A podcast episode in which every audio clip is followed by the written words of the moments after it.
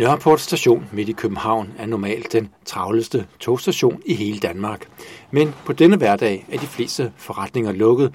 Den eneste arbejdsplads, der lader til at køre normalt, er byggepladsen ved det nye Hotel Nørreport. Og skruer man hen over pladsen, ja, så finder man Dansk Byggeris bygning, hvor også medarbejderne her er sendt hjem. Erhvervspolitisk chef Torben Liborius arbejder også hjemmefra.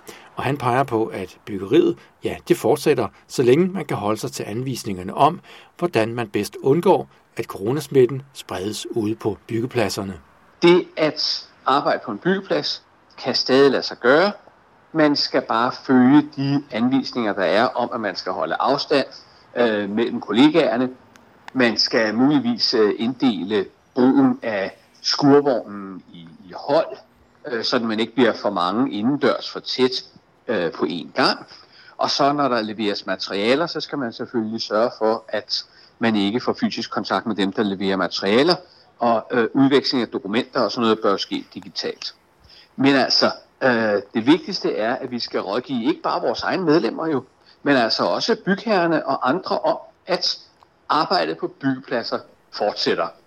Hos Dansk Byggeri har man nemlig lavet en daglig opdateret liste over, hvordan man praktisk bør forholde sig til den aktuelle situation, fortæller Torben Liborius.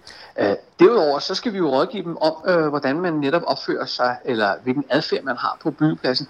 Og der har vi faktisk lavet et, øh, et, et kort og klart øh, skriv, som ligger tilgængeligt for alle på vores hjemmeside, hvor man simpelthen kan se, hvordan er det, man skal øh, opfører sig sådan, at smitterisikoen holdes på et minimum på selve byggepladsen.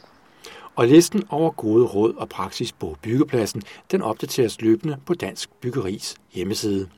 Men betyder den her krise så, at langt de fleste byggerier kører videre, sådan som de gjorde før coronakrisen? Det billede er meget broget. Øh, det, det, det enkle svar der, det er nej, det gør de ikke. Og der er jo nogle steder, hvor det begynder at blive vanskeligere at få materialer, og der er jo også nogle steder, hvor medarbejderne øh, har været udsat for enten at have været i, en, i et risikoområde, eller af anden grund skal holde sig hjemme eller være i karantæne. Men det, der er vigtigt at sige, det er, at der er ikke befalet, at man skal lukke byggepladserne.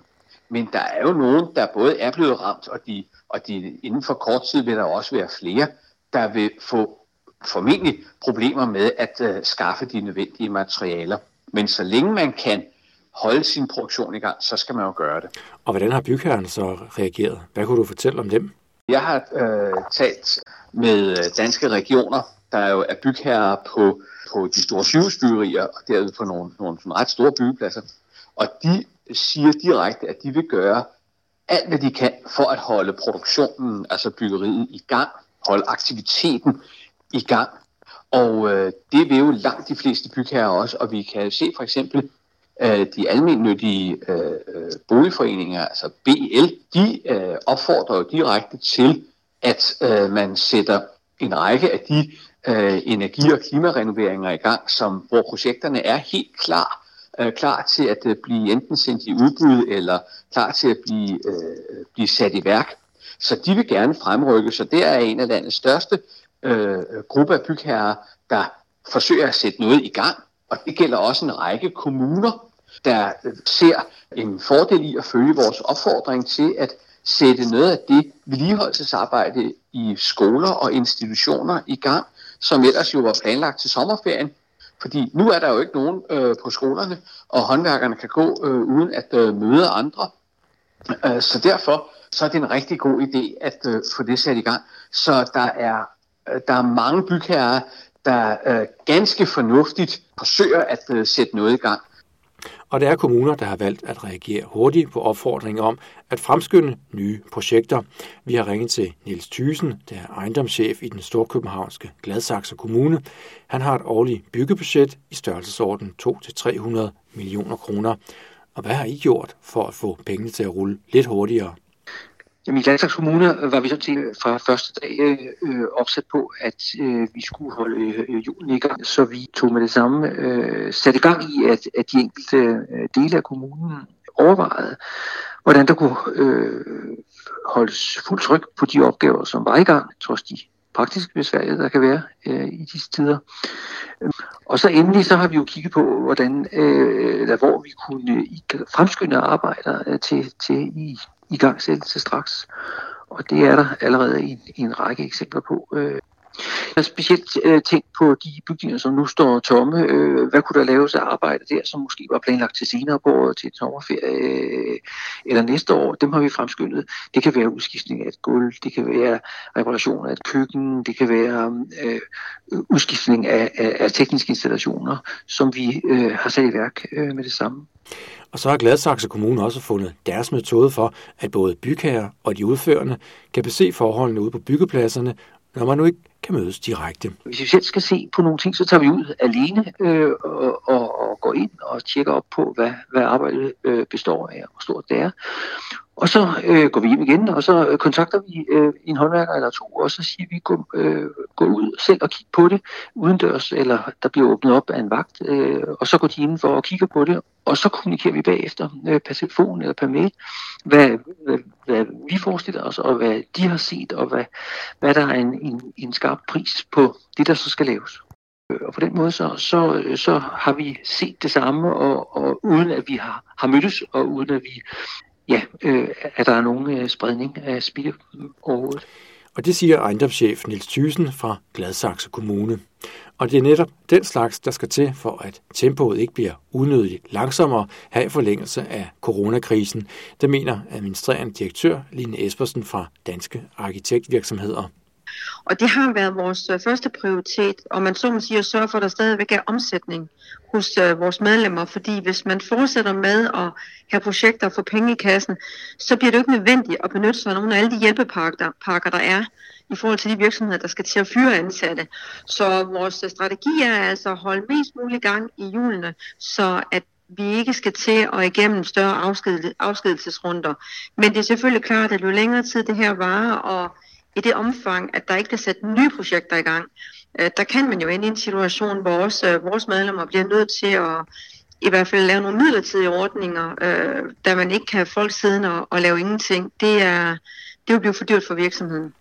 Det vil også være en stor hjælp, hvis de øvrige offentlige bygherrer ud over kommunerne også rykker hurtigt ud ved at sætte gang i byggerier, som de alligevel skal ud og gennemføre, mener hun. Øh, I første omgang har vi været optaget af, at de projekter, der allerede kørte, og de byggesagsbehandlinger, der ligger, og man venter på at få den færdiggjort, at alt det, det kører, man kan kalde det business as usual. Og øh, så er det selvfølgelig vores håb, at øh, man vil lytte til, man kan sige, den meget brede kreds af, af byggeriet, der blandt andet øh, med initiativ på BL har været ude og opfordre til, at man hæver rammen i Landsbyggefonden. Det er jo ikke offentlige midler, det er jo Landsbyggefondens egne midler, så man kan sætte gang i flere renoveringsprojekter øh, i den almindelige boligsektor. Det vil man kunne gøre i hele landet, øh, og det er altså noget, der vil være med til at, at holde en støttende hånd under dansk økonomi, hvis man for eksempel i gang sætter flere af den type projekter. Hos danske arkitekter peger Line Espersen også på, at bygherrerne heller ikke bør udskyde de nye projekter, der peger ind i fremtiden. Og så er det klart, at så bliver fokus øh, i næste runde også på at sige, det er også vigtigt, at I sætter nye ting i gang. Altså der er jo intet i vejen for, at man kan sætte p-kurer i gang, sætte konkurrencer i gang. Øh, det kan sagtens foregå, også selvom øh, der er møder, der skal afholdes øh, øh virtuelt. Fordi det, som arkitekterne laver i meget høj udstrækning, det er noget, der alligevel foregår på digitale platforme. For nuværende er der eksempler på, at bygherrer påberåber sig force majeure, men hos danske arkitekter godtager de ikke umiddelbart, at en bygherre benytter sig af force majeure-reglen, hvis den altså ikke er velbegrundet, lyder det fra Lene Espersen. Jeg har hørt om medlemmer, der har fået besked på, at deres bygherre, at tingene blev sat i bero, og der har vi været meget aktive i at gå ud og sige, øh, det mener vi ikke, at de skal, øh, og vores jurister har også været meget aktive i at sige, man kan ikke bare komme rendende og så sige, det er force majeure og tingene skal sættes i stå. Det vil kun være i et meget, meget få antal tilfælde, at man er i en situation, hvor en, en byggesag overhovedet ikke kan køre videre. I langt de fleste tilfælde kan man ikke bruge en force majeure begrundelse. Og det vil sige, at hvis en bygherre vælger af andre grunde at sige, nu udskyder vi projektet, jamen så skal mine medlemmer øh, have de penge, som de har krav på. Øh, så er det bygherres beslutning, at det bliver sat i bero et stykke tid. Så vi arbejder altså ret hårdt på simpelthen bare at sørge for at holde øh, hjulene i gang. Og så er det selvfølgelig klart, at hvis øh, krisen fortsætter i, i mange måneder, så kan det være, at vi kommer til at se ind i, at, at også vores medlemmer har behov for at, at lave for eksempel nogle øh, frivillige øh, aftaler omkring øh, at gå ned i arbejdstid og ned i løn, sådan som skete, det skete under finanskrisen. Men, men indtil videre, så, så kæmper vi altså for mest muligt at holde, holde hjulene i gang. Sådan lyder det fra administrerende direktør Lene Espersen fra Danske Arkitektvirksomheder. Hvornår et byggeri enten skal sættes i stå eller fortsætte, kan i disse tider være en svær afgørelse. Det spørger vi advokat Christian Molt Wengel, der er medindehaver af advokatvirksomheden Molt Wengel om. Han mener, at twister med rod i coronakrisen bør afgøres i øjenhøjde, før de udvikler sig til egentlige sager. Jamen først og fremmest, så, øh, så er det helt vildt afgørende, at man lige husker på, at det her selvfølgelig er en rigtig, rigtig alvorlig krise, vi er i lige nu. Men vi skal alle sammen øh, igennem, og vi skal kunne se hinanden i øjnene bagefter. Så mit vigtigste råd, det er at, at, at få etableret en, en ordentlig og oprigtig kommunikation med hinanden. Hvad er det bedste for den her byggesag? Øh, og det kan jo være forskelligt fra sag til sag. Nogle steder er det en rigtig god idé at øh, udsætte tingene øh, på grund af måske en, en omfattende øh, smitte lige på den øh, byggeplads bemandingen. Ja, andre steder, der, der kan man sagtens håndtere at arbejde i forskellige zoner, øh, og folk er ikke øh, påvirket af det. Så det er meget forskelligt, men, men det kommer jo øh, i virkeligheden an på, hvad det er, man, man har af informationer, og derfor er det vigtigt at få talt sammen. Og der er allerede ved at være gode eksempler på, at byggeriets parter i den her situation gør, hvad de kan for at møde hinanden konstruktivt, siger Christian Molt Wengel. Vi har flere af vores kunder, som proaktivt vælger at se bort fra deres øh, vilkår, øh, for eksempel i forhold til betaling. Øh, og også påpeget, at man faktisk kan, kan ændre betalingen til at fra at være en gang om måneden til to gange om måneden. Øh, jeg har eksempler på kunder, som, som vælger at udbyde øh, flere arbejder nu, sådan så byggebranchen også ved, at der er rigtig meget at gribe fat i også efter krisen. Så vi oplever på alle måder øh, at vores kunder er proaktive i forhold til at løse de her ting sammen. Og det er afgørende, at byggeriets parter ikke tror, at det bliver voldgiftsnævnene, der kommer til at afgøre mange af de uenigheder, der kan opstå, lyder det for advokat Christian Molt Wengel.